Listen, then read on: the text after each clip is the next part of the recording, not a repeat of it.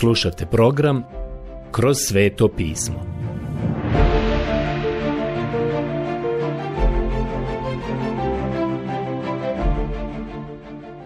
Knjiga Izlazak. Odlomak Izlazak, poglavlje 13, od prvog stiha do poglavlja 14, desetog stiha. Zadnji put smo vidjeli da su djeca Izraelova bila izbavljena iz egipatske zemlje, ali u smislu da su te noći izašli iz nje, a da još nisu bili prešli Crveno more. Međutim, to ćemo saznati u sljedećem poglavlju, u 14. poglavlju. Dakle, Izraelci sada napuštaju Egipatsku zemlju i kreću se prema Crvenom moru. 13. poglavlje Izraelovi prvorođenci posvećeni Bogu ja želim sada pročitati prva tri stiha u 13. poglavlju knjige Izlaska. Gospodin zapovjedi Mojsiju, posveti mi sve prvorođeno, sve što u sinova Izraelovih, kod čovjeka iz stoke, najprije dođe iz materina krila, meni pripada. I Mojsije reče narodu, spomenite se ovog dana u koji izađoste iz Egipta, iz kuće robstva. Rukom vas jakom gospodin izvede odanle zato se ne smije ništa jesti s kvascem. Knjiga izlaska 131 do 3. Kako sinovi Izraelovi sada izlaze iz egipatske zemlje, gospod im je ovo naložio. Prvorođenci u Egiptu su umrli. Bogovi Egipta su polagali pravo na prvorođence. Bog također polaže pravo na prvorođence. Mi danas vidimo da on bude shvaćen i doživljen na veoma loš način jer i danas polaže pravo na ono što je prvo kod današnjih vjernika. Ja mislim da mu mnogi ne daju ono mjesto koje bi on trebao imati. Usput da kažem, veoma je važno da iznesem ovu značajnu poruku, da Bog zapravo zahtijeva najbolje, naj najbolje. I ovdje vidimo da on traži prvorođence. Mislim da je Bog prvi u svemu i da želi imati prvo mjesto u našim životima. Problem je oduvijek bio u tome što ga mnogi današnji vjernici stavljaju na posljednje mjesto. Oni kažu, ako budem imao vremena, učinit ću to za gospoda. A onda se ispostavi da oni nemaju vremena jer su posvetili vrijeme nečemu što je njihovo, nešto što je bilo za njihov lični interes ili zabavu. Postoje oni koji kažu, da, daću gospodu dio onoga što napravim, ako nešto ostane. Uvijek to radimo. Sjećam se da sam prije mnogo godina čuo Bilija Sandeja da govori o svojim iskustvima. On je putovao širom i uzduž zemlje zajedno sa Williamom Vriglijem, originalnim Williamom Vriglijem. To je čovjek koji je napravio žvakaču gumu i zaradio prvi veliki novac od žvakače gume. I on je bio kršćanin i rekao je u Sandeju u vozu sljedeće. Uvijek sam u svom životu imao praksu da gospodu dajem desetinu od svega što napravim, ali ne dajem mu posljednju desetinu, već mu dajem prvu desetinu. To je prilično zanimljivo kako ga je Bog blagoslovio i kako je on napredovao. Ali nemojte me pogrešno shvatiti. Bog to nikome ne garantuje. To nikome nije obećao. Ali zanimljivo je kako je Bog blagoslovio muškarce i žene koji su ga stavili na prvo mjesto u svojim životima. Kada Boga stavljate na prvo mjesto, onda to znači da zaista njega stavljate na prvo mjesto. To nije zafrkavanje, tu nema kompromisa. Nema poluistine u tome da Boga stavljamo na prvo mjesto. On zaista mora biti prvi. Sinovi Izraelovi sada marširaju pustinjom. Upravo su izašli iz Egipta. Sjetite se da su oni u Egiptu bili robovi i Bog im sada kaže da prvorođenci pripadaju njemu. Mnogi od njih bi odmah mogli reći, gledaj gospode, upravo si nas izbavio iz ropstva, a sada već tražiš naše prvorođence. Gospod Isus danas čini istu stvar za vas i za mene. On nas spašava iz ropstva grijeha, izbavlja nas i oslobađa. I on kaže, ako vas dakle sin oslobodi, zaista ćete biti slobodni. Evanđelje po Ivanu 8.36 Ali sačekajte samo trenutak. On također govori, želim da mi se predaš. Vi kažete, slobodan sam. Da li si? Ne morate ništa uraditi, ali važna stvar jeste to da blagoslov dolazi onda kada mi dobrovoljno dođemo njemu i njega stavimo na prvo mjesto. To je nešto što Izraelci sada moraju naučiti. Sada nastavljam čitati. Pročitat ću peti stih u 13. poglavlju knjige Izlaska. I kad te gospodin uvede u zemlju Kananaca, Hetita, Amorejaca, Hivijaca i Jebusejaca, za koju se zakleo tvojim očevima da će ti je dati, u zemlju u kojoj teče mlijeko i med, onda obdržavaj taj običaj u ovom mjesecu. Knjiga izlaska 13.5 Drugim riječima trebaju svetkovati praznik pashe i praznik beskvasnih kruhova. Sedam dana jedi beskvasan kruh, a sedmi dan neka bude u čast gospodinu svečana svetkovina. Samo beskvasno neka se jede sedam dana i ništa kvasno ne smije se u tebe vidjeti. I ne smije se naći u tebe nikakav kvasac u cijelom tvome području. Knjiga izlaska 136 do 7 Kada su Izraelci izašli iz Egipta, sjećate se da su uzeli svoje daske za miješanje tijesta i tijesto koje je bilo na njima. U tijestu je bilo kvasca. Bog im kaže, želim da se riješite toga. To moraju ostaviti u egipatskoj zemlji. Samo beskvasno neka se jede sedam dana i ništa kvasno ne smije se u tebe vidjeti. I ne smije se naći u tebe nikakav kvasac u cijelom tvome području. A svojemu sinu moraš kazati u taj dan ovo. Zbog onoga što mi učini gospodin kad sam izlazio iz Egipta, ovo se čini. Knjiga izlaska 13.8. Drugim riječima, ovo će se prenositi s koljena na koljeno da ih je Bog izbavio iz egipatske zemlje. I neka ti to bude kao znak na tvojoj ruci i kao spomen na čelu, da gospodnji zakon uvijek bude u tvojim ustima, jer te rukom jakom izvede gospodin iz Egipta. Zato izvršavaj ovu zapovjed od godine do godine u određeno vrijeme, i kad te uvede gospodin u zemlju kananaca, kao što se je zakleo tebi i tvojim očevima, i kad ti je dade, tada posveti gospodinu sve što god je prvorođeno. I svako prvo od svoje stoke, ako je muško, pripada gospodinu. Knjiga izlaska 13, 9 do 12. Dakle, prvorođeno od sve stoke koju su imali, od onoga što su imali u polju, ta desetina, a to je bila prva desetina, ona je pripadala gospodu. A svako prvo magare prvina otkupi janjetom ili vidite da Bog nije želio jednu od ovih dugouhih životinja kao žrtvu. To je moralo biti janje. Ako ga nećeš otkupiti, slomi mu šiju. Nadalje, kod svoje djece moraš otkupiti svakoga muškog prvorođenca. Knjiga izlaska 13.13. Kao što ćemo to kasnije vidjeti, Trebalo ih je otkupiti srebrom. Srebro je bilo novac za otkup. Bog nastavlja razgovarati sa Izraelcima na sljedeći način. Pogledajmo sada ovo jer je izuzetno zanimljivo. Ako te onda jednoga dana upita tvoj sin šta ovo znači, odgovori mu. Rukom jakom izvede nas gospodin iz Egipta, iz kuće robstva. Kad nas ne htjede faraon pustiti da odemo, pobi gospodin sve prvorođence u egipatskoj zemlji, od čovječijega prvorođenca do prvenca stoke. Zato žrtvujem gospodinu sve što je prvorođeno, ako je muško, i otkupim svakog prvorođenca svojih sinova. I neka ti to bude kao znak na tvojoj ruci, kao spomen na čelu, da nas rukom jakom izvede gospodin iz Egipta. Izlazak 13, 14 do 16.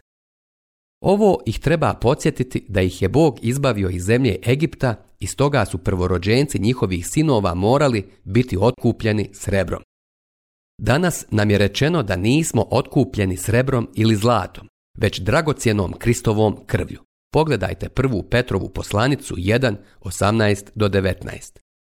Sada ću pročitati 17. stih. I kad Faraon pusti narod da ode, ne odvede ih Bog putem prema filistejskoj zemlji, makar bi to bio najbliži put, jer pomisli Bog da bi se narod mogao pokajati kad bi se morao boriti, pa se opet vratiti u Egipat. Knjiga izlaska 13.17 Ovi ljudi su tek izašli iz ropstva i uopšte nisu bili spremni za ratovanje. Postoji kratak put do obećane zemlje. Ako uzmete svoju kartu, Zapazit ćete da bi kratak put bio uz morsku obalu. Bio bi gore uz sredozemno more i to bi ih odvelo pravo u obećanu zemlju.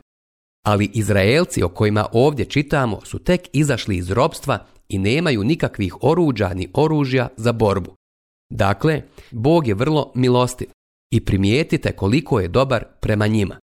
On ih vodi kroz pustinju, dug je to put, ali će ih poštedjeti ratovanja neće se morati suočiti sa neprijateljem dok ne uđu u obećanu zemlju. Za 40 godina bit će istrenirani, obučeni, opremljeni, imat će vojsku i kao što ćemo vidjeti, bit će spremni. Ali u ovom trenutku oni nisu spremni.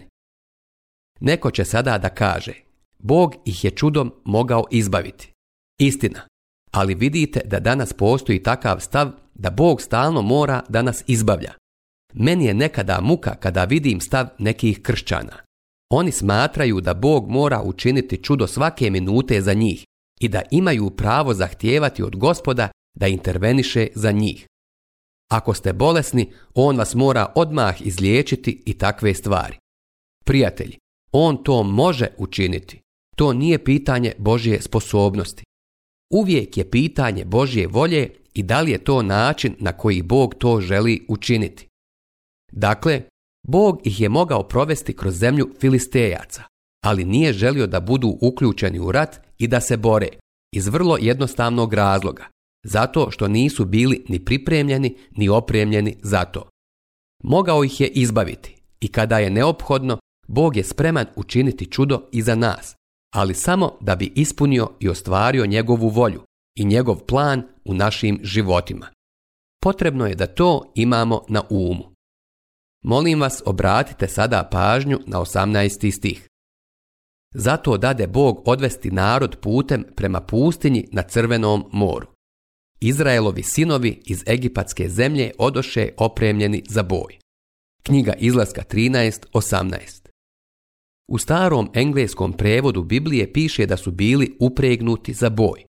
U prevodu koji mi koristimo za ovaj program piše da su bili opremljeni za boj. Ta riječ upregnuti je veoma zanimljiva riječ. Pretpostavljam da je u danima kada je napravljen taj stari engleski prevod Biblije, ljudima tog vremena vjerovatno bilo prilično značajno kada pročitaju riječ upregnuti. Za nas danas to samo znači da su bili ponovno stavljeni u jaram. Ali to nije to. Poenta i značenje tog izraza je da su Izraelci otišli u redu, u nekoj vrsti formacije. Oni nisu izašli iz Egipta kao rulja. Bili su organizovani. Tako su izašli. Nisu imali vojsku, ali su svakako bili organizovani, a to znači po pet u rangu. Poredali su se tako da ih je bilo po pet u nizu. Da ste ih mogli vidjeti kako prolaze kroz pustinju, vjerovatno biste vidjeli najuređeniju skupinu koju ste ikada vidjeli. Ovdje imamo još nešto što je veoma zanimljivo. Piše ovako. Mojs je uze sa sobom Josipove kosti. Josip je naime bio svečano zakleo Izraelove sinove. Kad vas Bog milostivo pohodi, onda uzmite sa sobom moje kosti odavle. Knjiga izlaska 13.19 Sjetit ćete se da je u knjizi Postanka, zapravo u posljednjem dijelu knjige Postanka, u 50. poglavlju. Tada sam vam skrenuo na to da je Josip, prije nego što je umro, rekao svojoj braći sljedeće riječi. Sada ću pročitati 24. i 25. stih iz 50. poglavlja knjige Postanka. Jednoga dana reče Josip svojoj braći, ja ću skoro umrijeti, ali će se Bog sigurno zauzeti za vas i odvesti vas iz ove zemlje u zemlju koju je pod zakletvom obećao Abrahamu, Izaku i Jakovu. Tada zakle Josip Izraelove sinove i reče, kad se Bog jedanput milostivo zauzme za vas, tad uzmite sa sobom moje kosti odavde. Konačno je došlo to vrijeme. Prošlo je dosta godina, prošlo je najmanje dvije stotine godina od tada. I sada se pojavio faraon koji nije poznavao Josipa. Josip više nije bio nacionalni heroj u egipatskoj zemlji. Jeste bio heroj u vrijeme kada je umro, ali u ovom trenutku on to više nije. Josip je znao da će se to desiti jednog dana. Nisu ga mogli iznijeti iz egipatske zemlje i pokopati u vrijeme kada je umro, pa je Josip rekao, želim naknadno biti pokopan u toj zemlji. Mojsije je sada uzeo Josipove kosti da ga pokopa u obećanoj zemlji. Zašto je želio da mu prenese kosti? Kakva je razlika? Kakve to veze ima?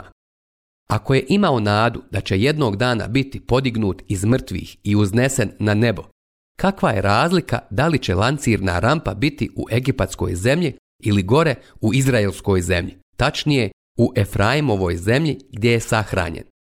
Radi se zapravo o tome da je Josip očekivao da će biti podignut u toj zemlji za tu zemlju i da će doći do uskrsnuća ovih ljudi u toj zemlji za hiljadugodišnje kraljevstvo, a zatim za vječnost. To će biti nebo za njih i to je bila Josipova nada a kao što vidite, to je bila i Mojsijeva nada. Zato je potrebna vjera. Božansko vodstvo do etama.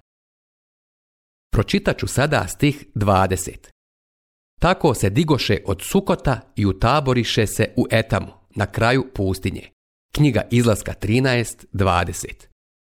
Vidjet ćete da se Izraelci sada kreću prema toj pustinji, a to je zastrašujuće mjesto. Molim vas, zapazite ponovo šta Bog čini u 21. stihu. A gospodin je išao pred njima, danju u stupu od oblaka, da im pokazuje put, a noću u stupu od ognja, da im svijetli, da bi mogli putovati danju i noću. Nije se uklanjao ispred naroda stup od oblaka danju, ni stup od ognja noću.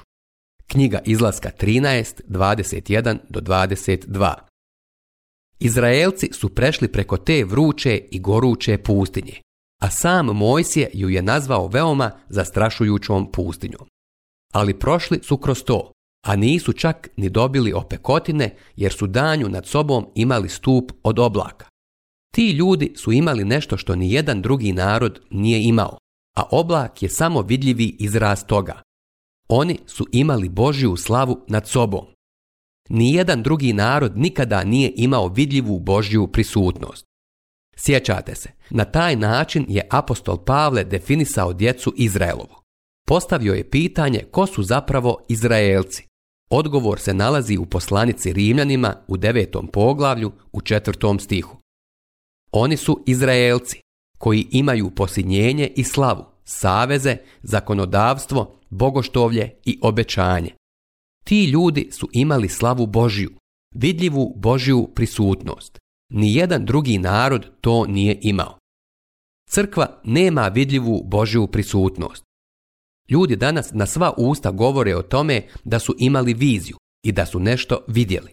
Ono što trebate učiniti jeste da kada imate viziju, a siguran sam da mnogi od nas imaju noću viziju i imamo veoma živopisan san.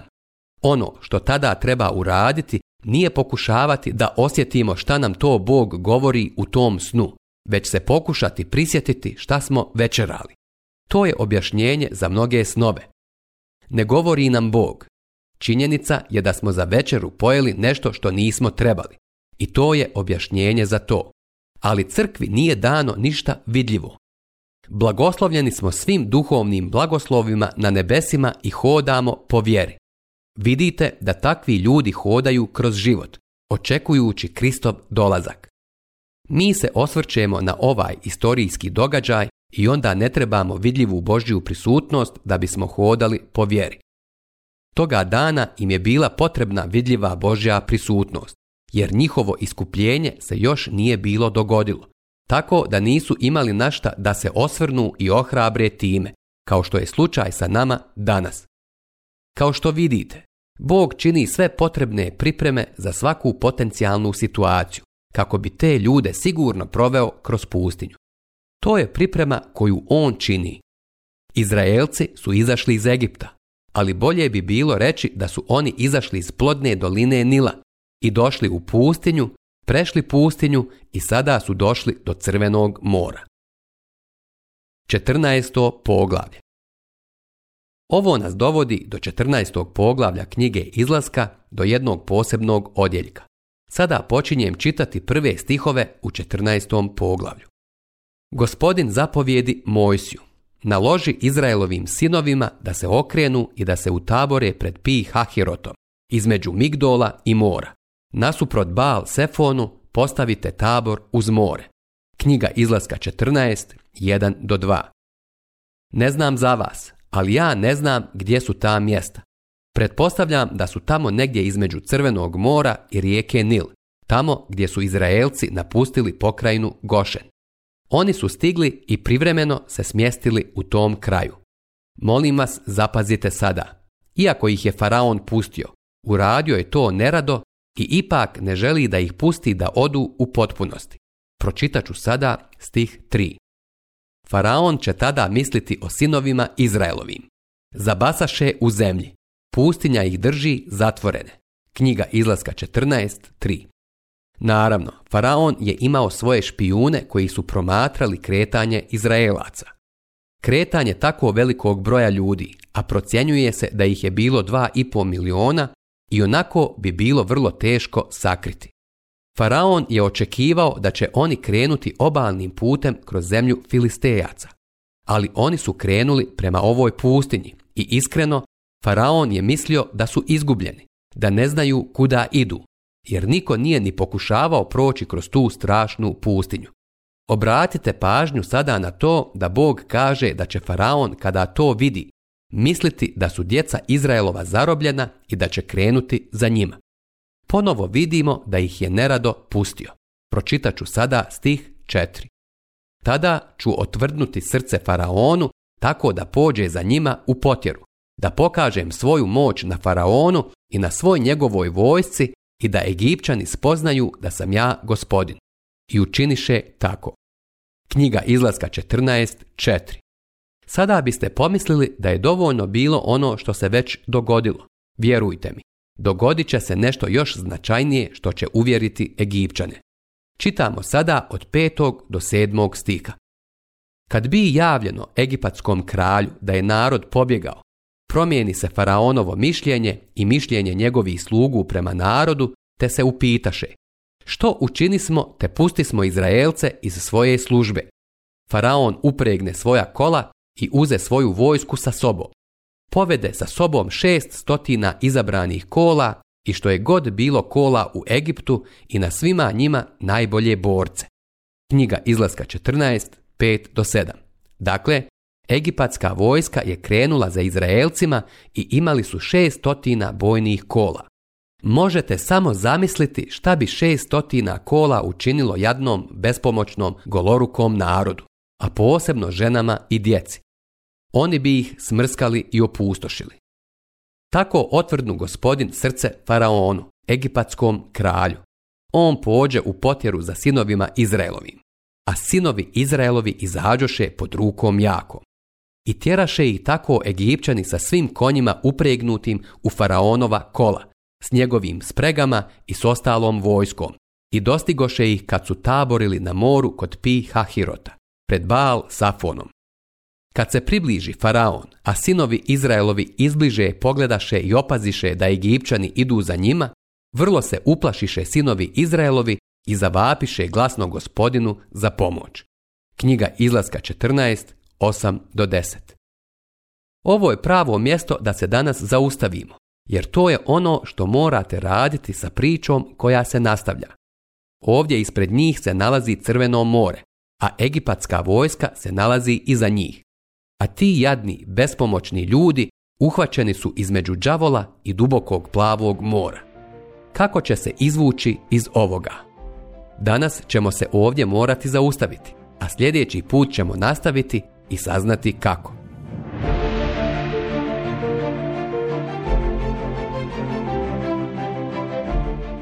Slušali ste emisiju Kroz sveto pismo.